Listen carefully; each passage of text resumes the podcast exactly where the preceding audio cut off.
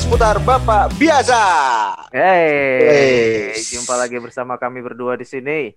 Kita hari ini akan membahas sebuah topik yang eh, lumayan asing buat gua.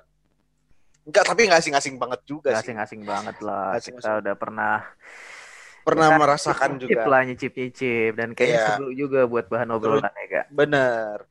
Yang ini yang akan kita bahas adalah salah satu eh, pembelajaran juga adalah experiential learning. Waduh. Bener ya, Pak? Bener bener bener. Harga beli bahasa Bener ya, Indonesia-nya apa ya? experiential experiential learning atau Anjir. disingkatnya L. Berarti sebelumnya ada al, setelahnya ada dul ya. Iya. Jokes murah anjing. Daripada kita makin ngaco kita langsung Iya undang benar aja benar. tamu. Gue sebenarnya Ya, udah udah biasa. gak sabar ngundang orang ini ke, ke podcast kita. Ini dia Mas Patria Krisna atau biasa dipanggil Mas Petri. Tepuk tangan Iya. Apa kabar? Tepuk tangan virtual. Baik baik semuanya baik. Mas Petri gimana kabarnya? Sehat, sehat. Cukup Sehat. itu aja lah yang penting sehat. Ya benar. betul, betul, Benar. betul. Yang penting sehat. Sehat, jasmani, rohani. Kantong juga sehat deh. Iya, itu dia. Bersyukur masih sehat. Oke, Mas Patrick, sebelum kita masuk ke topik pembicaraan pada hari ini tentang experiential learning. Oke. Oke, yang yang pertama, kopi apa jahe? Jahe, Oke. Jalan di beling atau jalan di api? beling, Beling. Gado-gado atau ketoprak? gado-gado, Ngajar anak sekolah atau ngajar karyawan perusahaan? anak sekolah, Oke. Di depan laptop apa depan banyak orang? tempat banyak orang. Wey. yang yang dengerin ini ngundang apaan sih orang dengerin kita pejalan di beling anjing Papa, oh iya kopi atau jahe? Daripada ngopi lebih baik ngejahe. Kenapa, Mas?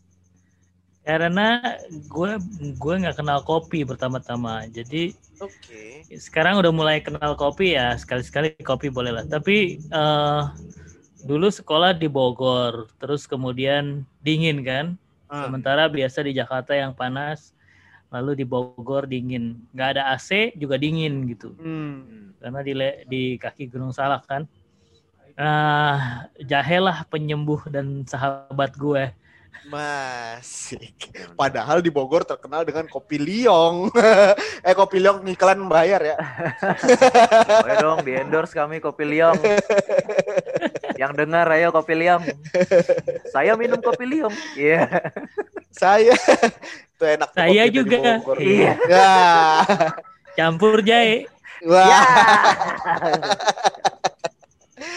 Oke, ya selanjutnya nih pertanyaan lebih milih jalan di Beling. beli. kalau gua milih jalan kaki biasa aja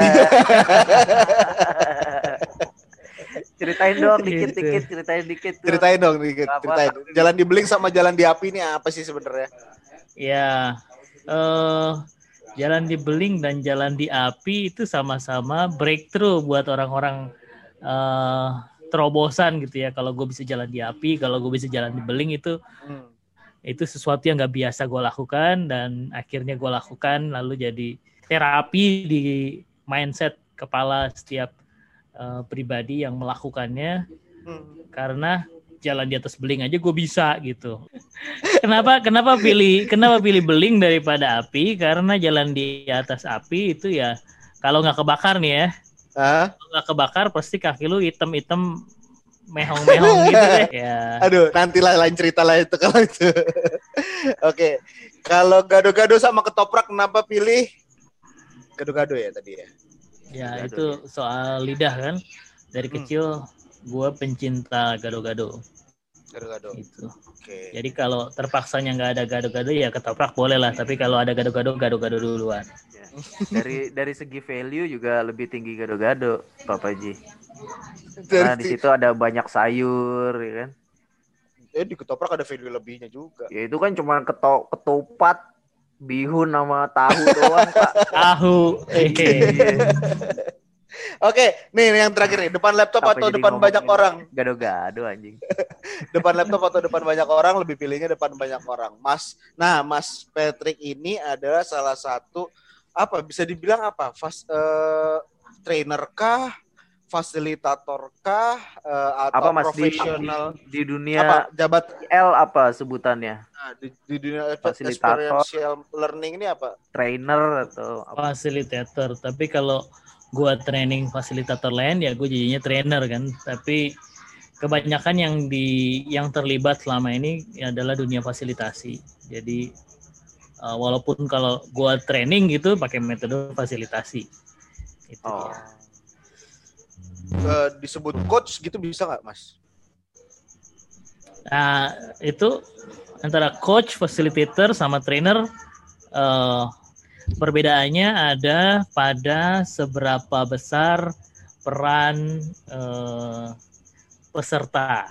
Ya, makin makin makin itu pengetahuan datang dari si eh, yang numpain pengetahuan makin makin banyak dari dia, dia makin adalah seorang trainer sampai akhirnya eh, apa itu ya sampai instruktur mungkin ya makin ke sini ke sini ke sini ke sini makin jauh ke sono ya paling ya peserta dianggap mandiri gitu lebih ke lebih ke participants base.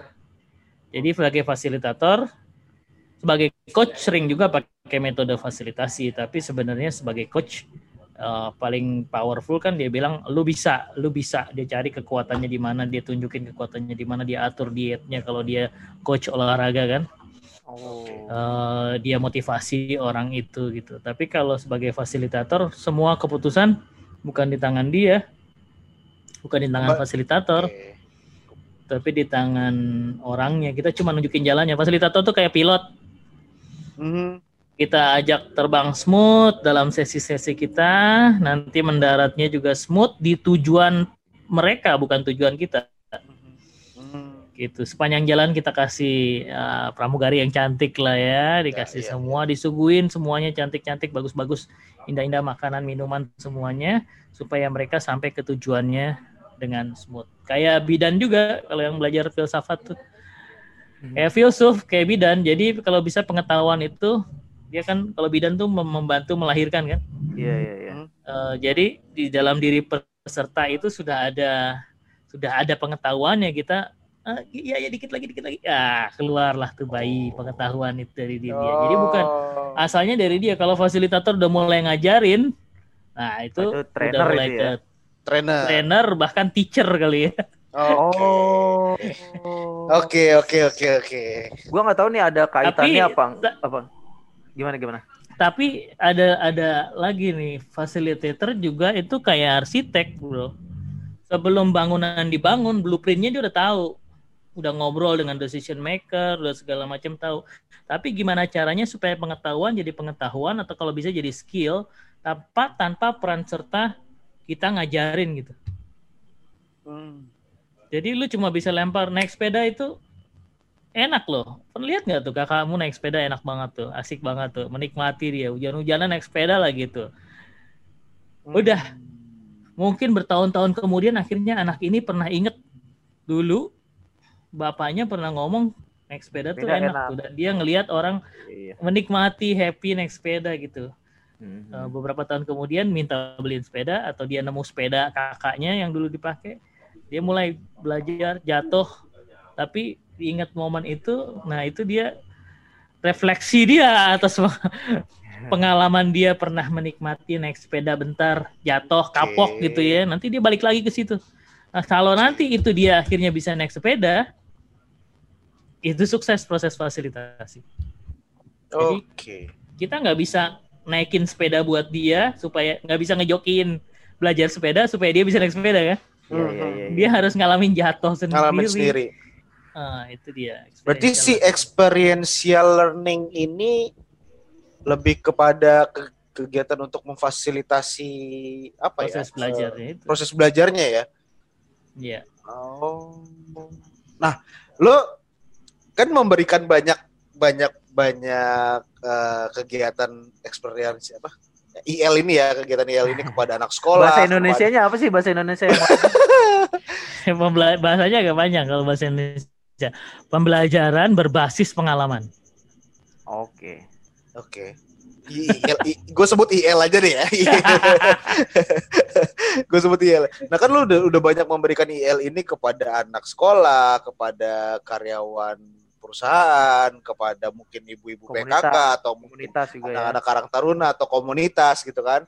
Nah, lu sendiri karena kita lagi ngomongin podcast seputar bapak biasa nih sebagai bapak-bapak, lu sendiri dalam peran sebagai orang tua, sebagai bapak memberikan itu nggak ke anak lu, Mas?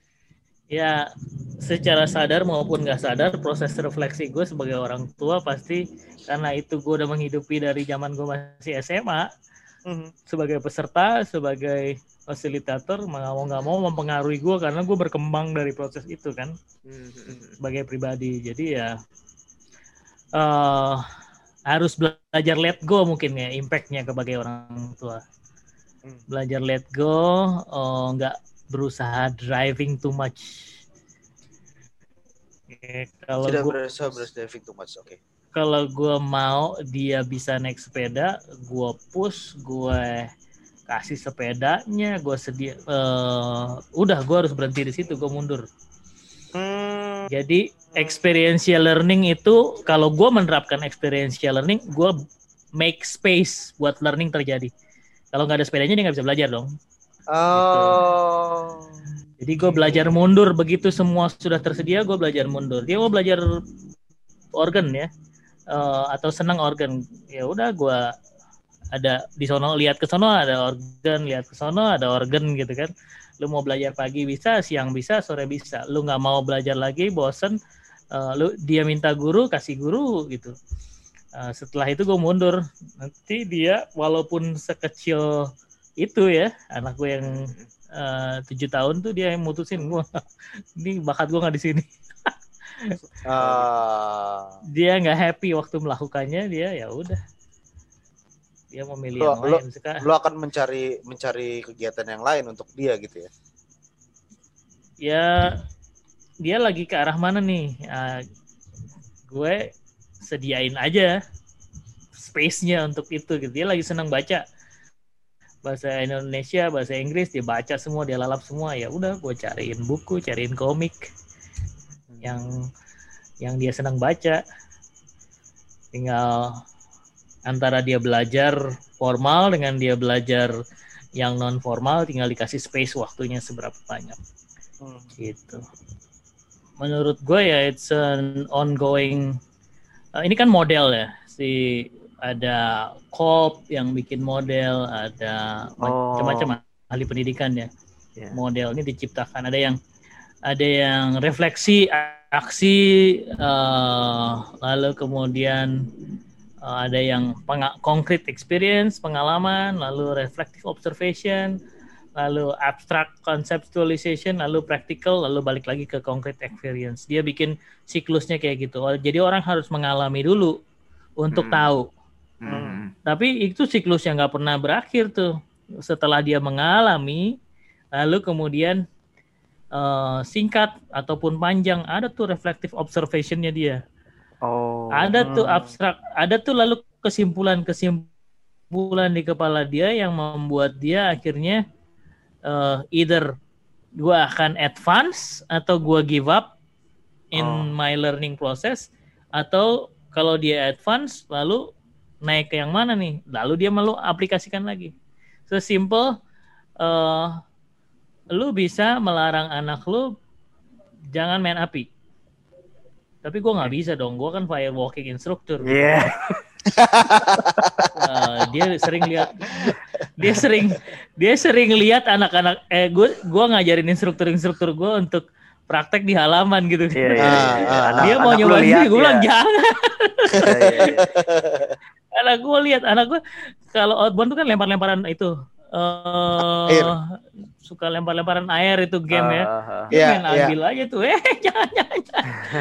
Dua tahun aja dia udah mulai copying kan Iya, ini iya. orang-orang Iya, dewasa oke. pada lempar-lemparan air kenapa gua enggak gitu kan Iya, iya. dua Iya, tahun iya. dia udah mulai melakukan itu udah mulai bisa jalan dia ambil aja tuh eh, bom air lempar Eh, ketika dia tahu api ya gue harus ketika dia mau melakukan sesuatu yang langsung ekstrim ya gue bilang ya belajar dulu bakar sampah atau bakar api unggun gitu ya Hmm. bakar api unggun, bikin tenda di eh, halaman, terus kemudian eh gue bikin arang sendiri buat masak sosis dan lain-lain. Dia gue kasih nih kayunya, ini cara bikin eh apinya, bikinin api unggun kecil, lalu kemudian banyak yang kering-kering supaya dia gampang. Nah ini korek apinya. The first challenge gitu kan. Bagaimana pakai korek api batangan dinyalain. Nah itu Hmm. itu skill yang hilang di anak-anak sekarang eh, Ya, nyalain ya, ya. korek api batangan gitu ya. Gue sering ketemu anak SMA di camp itu yang nggak bisa masak karena korek apinya nggak dia nggak bisa nyalain korek api tuh takut dengan korek api. Eh buat apa sih belajar ginian? Ada juga tuh anak kelas anak tiga tahun, anak Hmm. empat tahun yang bertanya kayak gitu buat apa sih belajar ginian? Ya kalau nggak supaya supaya kalau gua nggak ada lu bisa melakukannya gitu kan Oke. nggak mati listrik nggak ketemu center adanya korek api batangan gitu kan karena bokapnya sedia korek api batangan ber berbal-bal Iya, di iya, iya. gudang gitu kan. Tinggal ambil ketemu. Sementara dia setiap kali gue punya center dia simpen tuh. Saking rapinya nyimpennya. Lupa dia nyimpennya di mana. Lebih gampang nyari korek api selalu ada. Nah, kalau mati lampu ada kan. Misalnya eh gue mau anak gue pada saat mandi itu cepet Hmm. gue cemplungin anak gue yang satunya lagi ke kamar mandi yang sama. Anduk tersedia dua sabun tersedia dua semuanya fair. Air sama ya. Ada satu bisa pakai shower satu bisa pakai ember gitu ya. Gayung. terserah mau pakai yang mana ya gayung atau sprinkler bebas. Mhm. gue hitung aja sampai 10 siapa yang selesai duluan andukan duluan sampai sisiran dia tambah lagi sampai anduknya dikembaliin ke tempat anduk. Hmm. awalnya ada yang nangis kalah. Ada yang nangis kalah. Sampai sekarang kita nggak mau kompetisi kecuali bokapnya ikut mandi juga.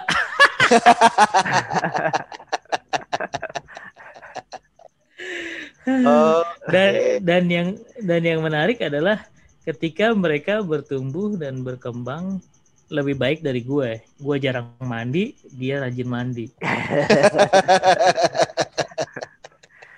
Oh gitu. Nah itu tuh yang kayak gitu-gitu tuh lu daripada lu milih lu ngomong, weh mandi cepetan gitu kan lu bisa ngomong kayak gitu sebagai bapak kan bisa ya. Cuman lu alih-alih milih Tapi ngomong ya, kayak gitu, Al- lu nyemplungin anak lu yang satu lagi, lu bikin kompetisi lu kayak gitu-gitu tuh apa sih dasarnya tuh? Gue bingung. ya kalau di kalau kalau di kompetisi ya selama ini kan kita di dunia team building atau training itu Heeh. entah kenapa orang kalau dikompetisiin tuh terus jadi ngebut, jadi cepet, jadi semua pengetahuan, eh, semua Oh. proses kontribusi itu nggak ada blocking lagi, semua langsung berkontribusi pada satu tujuan yang sama, membuat bangunan setinggi tingginya, berada lebih lebih jauh daripada peserta yang lain gitu, panjang-panjangan misalnya ya, atau tinggi-tinggian gitu. Cuma itu doang yang Kayak- dikasih kompetisi. Kayak eh, selama lo menerapkan itu ke anak-anak gitu ya, eh, hal menarik apa yang pernah lo dapetin dari mereka ketika lo memberikan pembelajaran pengalaman ini? kayak ada eh pengetahuan bawaan ya atau mungkin bukan pengetahuan bawaan bahwa mereka belajar dari yang lu ajarin mereka belajar dari yang gua ajarin atau istri gua ajarin tapi ada sesuatu yang lain itu yang yang kita nggak sadar muncul gitu. Tapi terus kemudian kita sadar dari mana ini dia belajarnya? Itu jadi Kayak- Hmm. kayak otak anak itu bisa link yang satu sama yang lain lalu muncul sesuatu yang lebih keren lagi gini bagaimana jawaban kayak gini bisa muncul dari seorang anak berumur 2 tahun gitu misalnya Oke. tiba-tiba dia datang ke gue Dia bertanya dolar terhadap rupiah. Yang berapa tahun? Yang berapa tahun? Ini yang tujuh tahun. Yang tujuh tahun. Oke. Dolar terhadap rupiah. dolar terhadap rupiah itu berapa uh, pembandingnya? Serius udah nanyain gitu? Di hari sekolah artinya dia nggak pegang handphone. Terus kemudian Oke. gue cari dong dolar hari itu berapa gitu gue sebutin. Wah kita negara miskin ya. Hah? Terus gue terus gue bengong. terus gue bengong. Terus dia balik lagi. Terus dia balik lagi dengan bertanya itu peso, peso terhadap rupiah. Oke. Terus dia nanya lagi, mana negara termiskin di dunia dan mata uangnya apa? Terus gue cariin kan, terus gue jawab ke dia. Wah kita belum semiskin itu berarti. Ada yang lebih miskin dari kita. Kok Oh iya bener bener bener ajaib sih. Eh, maksudnya eh, bener-bener hal yang Iya dia Apa belajar ya? dapat dari mana Nggak- dia bingung juga iya ya. makanya dari, dari dapat dari mana kalau kalau mau dibilang wah kalau kebanyakan kan kayak Bapak Ale nih ke anak gua dia belajar anak gua belajar dari mana ya dari, dari YouTube gitu Eh, ngapain dari YouTube belajar dolar sama rupiah Di perpustakaan gue itu buku-buku gue di mana-mana kan. Ya mungkin dia Hmm. mengakses salah satu buku gue yang gue juga nggak pernah baca. Hmm. Dan tapi ide bahwa Indonesia itu eh, negara kaya atau negara miskin itu kan terus kemudian bisa jadi benih yang bisa gue tanamin yang lain gitu, iya, iya, iya, iya. iya iya iya Iya kan? Lalu Tapi kon- tapi ide ada negara miskin, negara kaya itu munculnya dari si anak ya. iya, entah dari TV, entah dari buku, entah dari mana, tapi ya eh, mulai ketika dia mulai suka baca ini. Oke. Oke. Hal yang hal yang menarik yang bisa bisa kita dapetin dari obrolan ini kalau gua pribadi adalah kita bisa mengajarkan ke anak-anak kita itu hal-hal yang apa ya? Keseharian tapi bisa terpakai nantinya gitu. Begitu nggak sih Mas kira-kira pandangannya? Ya, kalau gue eh, merasa kan ada anak-anak ada masa pekanya ya. Hmm. Ada masa pekanya. Jadi pinter-pinterlah memanfaatkan masa peka. Lalu Oke. kemudian jangan berusaha mengontrol proses belajar mereka karena mereka masing-masing ada proses pertumbuhannya masing-masing kan. Oke. Oh, hanya orang-orang gila kayak gue gitu ya yang pandemi nih. Waduh, nggak bisa ke mana-mana. Langsung bikin kelas online Ah. Oke. gitu. Di hari pertama pandemi diumumkan itu ya, lockdown diumumkan, gue langsung lakukan itu. Eh, kalau orang mampu beradaptasi secepat itu, gitu ya, Mhm. itu pasti dia udah ngelewatin banyak proses proses adaptasi sebelumnya atau krisis-krisis yang Oke. lain gitu. Ya. Ya, kita nggak berharap semua anak bisa melakukan itu dengan cepat, tapi minimal gue berharap dengan membiarkan proses belajar sesuai dengan ritme anak gue sebagai orang tua, gue merasa mereka akan lebih siap untuk banyak hal yang tidak terduga yang akan datang ke mereka tanpa harus dikasih tahu, tanpa harus di ini mereka akan lebih bisa uh, menyikapi dan bertindak. Itu kalau kalau menurut gue. Jadi uh, make space for learning. Ya, ya, ya, ya. Gitu ya sebagai fasilitator ya. Ya, fasilitator kasih tahu koridornya, kasih tahu uh, ya- yang sini udah over limit nih. Ya paling simple ya reward and punishment itu ya jangan pakai kekerasan itu paling simple ya. Uh, menantang itu selalu baik menurut gue ya. Kamu kan sekarang belum sekolah nih. Uh, Oke, kamu masih minum di dot gitu ya. Tapi efeknya adalah kamu akan terbiasa minum di dot jadi sarannya adalah kamu belajar minum pakai gelas seperti abangmu itu. Mhm. Nah, nanti kalau di TK kamu masih minum pakai dot dan teman-teman mau lihat, kamu akan malu. Abangnya ikut nyemplung kan? Jangan minum pakai dot. Trust me, Oke. ada tuh teman kakak yang minum pakai dot. Waduh, semua ketawa. Oke. Berlaku juga sama untuk pampers dan lain-lain kan. Ya, ya, ya, ya. Gitu ya. Jadi kan orang tua takutnya tuh kan ada dua resiko kan dalam dalam experiential learning. Pertama real risk Mhm. dan perceive risk. Real risk api itu panas ya. Eh, real risk itu beling itu akan mengkat gitu. Eh, lalu ada perceive risk. Ya. Lu kasih nggak anak lu main hujan-hujanan? Main hujan-hujanan dong tuh ada anak-anak di sana pada main hujan-hujanan. Hmm. Oh. Hujan nggak bisa menyebabkan flu itu real kan Oke. kalau dia terlalu lama hujan-hujanan mungkin tubuhnya akan eh, Dinginan. suhunya dingin mungkin dia akan kena flu karena dia lemah tubuhnya misalnya Oke. tapi kalau cuma setengah jam main hujan-hujanan no problem kan Iya. gitu tapi itu tanahnya mungkin ada beling mungkin ada paku gitu itu real risk kan Oke. Oke, boleh hujan-hujanan tapi pakai eh, sepatu boot ini. Hmm. Itu ya. Eh, pakai jas hujan. Pakai payung. Silakan hujan-hujanan. Ya, dia akan basah juga karena payung pasti pakainya sembarangan. Jas hujan juga nggak ada yang fully waterproof gitu ya, tapi bahwa dia nggak dibatasi dalam proses belajar dia cipak-cipakan air di sana gitu ya Mhm. main perahu-perahuan di sana itu eh, yang gue maksud dengan make space for learning ya next time dia tahu kalau hujan tuh sebenarnya baik-baik aja gitu asal nggak ada Oke. petir Ya, Ya, ya, ya, ya, ya. Hmm, jadi ada tambahan satu lagi. Jadi kita memberikan ruang seluas-luasnya bagi interest anak mungkin gitu ya. Tapi juga bukan hanya luas plus aman, bro. Oke. Anjay. Ta- Tapi gue punya gue punya satu pertanyaan lagi, Pak. Ketika kita jadi orang tua, boleh nggak Mas kita mempush karena kita tahu merasa kita tahu bahwa si anak itu mampu. Bisa achieve. Oh iya iya bisa. Nah, bisa boleh nggak Mas kira-kira? Iya, iya. Oke. Eh, pengalaman gue gini, misalnya ya, Mhm. ini yang sering gue lakukan sama peserta gue. Eh, dengan pujian dan lu punya koneksi sama peserta lu di hari pertama itu lu punya connection dan lu appreciate masing-masing dari mereka untuk setiap achievement mereka. Bahkan being present in front of challenge itu udah achievement buat menurut gue buat anak yang berada ribuan kilometer dari rumahnya dan dia ada di negeri yang bahasanya beda dengan dia gitu ya. Eh, dan dikasih tantangan misalnya suruh climbing wall wall climbing. Oke.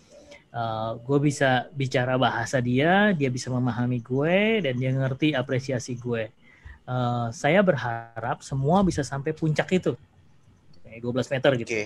saya berharap semua my stand for you is for you to be on the top and smiling down to everyone gitu Mhm. but that is my goal. Now I want you to achieve your own goal. Set up your own goal. Silahkan mau sampai itu ada ba- batasnya ada tulisan 7 meter, 8 meter sampai 12 meter. Silahkan. Kalau lu sampai cuma 2 meter itu udah bagus. Tapi Hmm. kalau lu mau capai 12 meter silahkan. Gitu ya. Eh, kita akan support semuanya berdasarkan eh, target yang udah lu tetapkan. Setelah selesai harus pakai, gue double check petugasnya eh, pasangin. Mereka naik targetnya 12, dia baru sampai 7 udah capek. Mhm. Biasanya gue cuma ngomong gini, ingat my stand for you is to get to your target. Tapi keputusan di tangan lu ya. Kalau lu mau mengambil satu meter lagi, gua rasa lu masih kuat.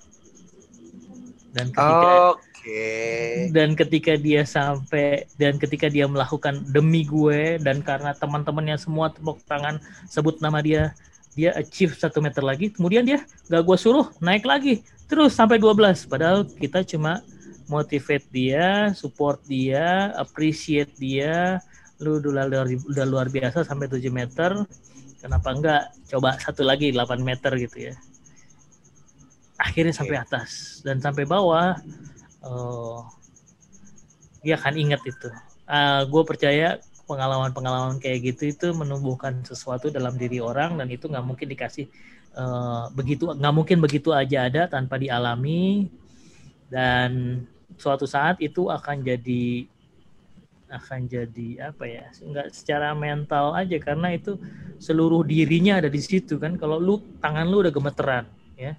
Tangan lu udah gemeteran lu ada di ketinggian lu lihat ke bawah lu tinggi banget. Antara takut uh, resiko uh, sama tubuh ini udah udah nggak bisa bekerja sama lagi nih. Yeah.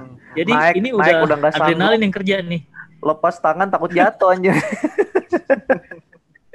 tapi di situ ketika adrenalin ngepush ya lu bisa sampai puncak dan itu itu nggak otomatis terjadi hmm. okay, dan paham.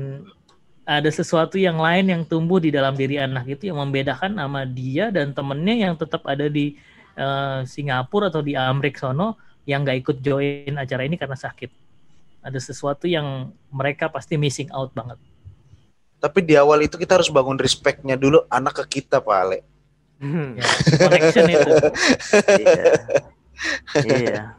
Kalau kita adalah orang yang pernah mengalami kalau kita adalah orang yang pengala, pernah mengalami pengalaman breakthrough breakthrough itu dalam hidup kita, terobosan terobosan itu dalam hidup kita, uh, eh, gue rasa akan lebih mudah ya. Kita maksudnya kita harus mempraktekkan IL itu sama diri kita sendiri juga. Hmm. Buatlah banyak breakthrough dalam hidup lu dan yes, yes, yes. berefleksi dari pengalaman itu, maka lu bisa memberikan itu sama anak-anak lo. Itu menurut gue. Hmm bahwa ternyata uh, proses pengasuhan ya balik lagi sebenarnya ya lihat lihat pembelajaran yang dialami oleh orang tuanya dulu ya. Betul, betul. Kita kita punya pembelajaran apa dalam hidup kita baru kita lihat ke anak. Betul. Kita punya punya apa ya? Punya punya pengalaman apa dalam hidup kita dan itu yang kita bukan kita serta merta wariskan ya, tapi kita tularkan caranya, kita tularkan ya, ya. pengalaman kita dulu ya kayak gimana gitu kali ya. Betul. Wah, kalau masih kalau masih banyak yang kebingungan bisa langsung ngobrol sama kita sebenarnya. Halo. Oke, Mas Patrick, sambil uh, ini juga kita udah ngobrol-ngobrol sambil apa tahu kegiatannya Mas Patrick. Mas Patrick punya kegiatan apa sih yang uh, di dalam experiential learning ini apa aja tuh kegiatannya buat ya, anak? program-programnya Mas Patrick apa sih? Nah, buat orang tuanya mungkin ada apa aja tuh Mas? Saya ada program khusus main doang via virtual sekarang ini ya yang main selama virtual ini ya. Ya main aja. Uh, jadi programnya hanya bermain gitu. Hmm. main aja nggak usah tuntut belajar apa apa pokoknya main. Tapi ntar jadinya ada juga yang belajar gitu sharingnya ada juga yang belajar banyak tapi khusus main aja oh, ada yang satu jam ada yang dua jam gitu jadi kalau ada orang tua yang tertarik anaknya biasanya PJJ be, bo, bosen bete Boring, ya. bahkan trauma garing gitu ya atau hmm. guru-guru hmm. pengen belajar gimana sih cara bawain game gitu biar kelasnya hmm. menarik hmm. biar nyambung sama materi pelajarannya gitu silahkan uh, join kelas saya atau mungkin teman-teman yang kerja di perusahaan yang sekarang nggak bisa gathering ke mana-mana bisa langsung bergabung dengan kegiatannya Mas Patrick ya? Betul gathering online ya. gathering online ya. Sudah terjadi banyak team building online benar, benar, team building okay. online. Nah, camping nah, kalau online bro camping online. Camping online benar. Oke nih bapak. Kalau pengen tahu kalau pengen tahu infonya ke mana nih mas? Uh, di websitenya idadventure.com atau ID Instagram at idadventure. Ntar kita okay. tulis di tulis di deskripsi podcast ya. Ya di di Instagram PSBB juga. Instagram PSBB juga. Mas Patrick terima kasih banyak. Salam thank buat you, keluarganya sehat-sehat semuanya. luar biasa. Terima kasih obrolannya. Oke, sampai jumpa lagi untuk semua pendengar podcast putar Bapak biasa. Salam sehat dan terima kasih. Terima kasih semua. Thank you Mas Patrick.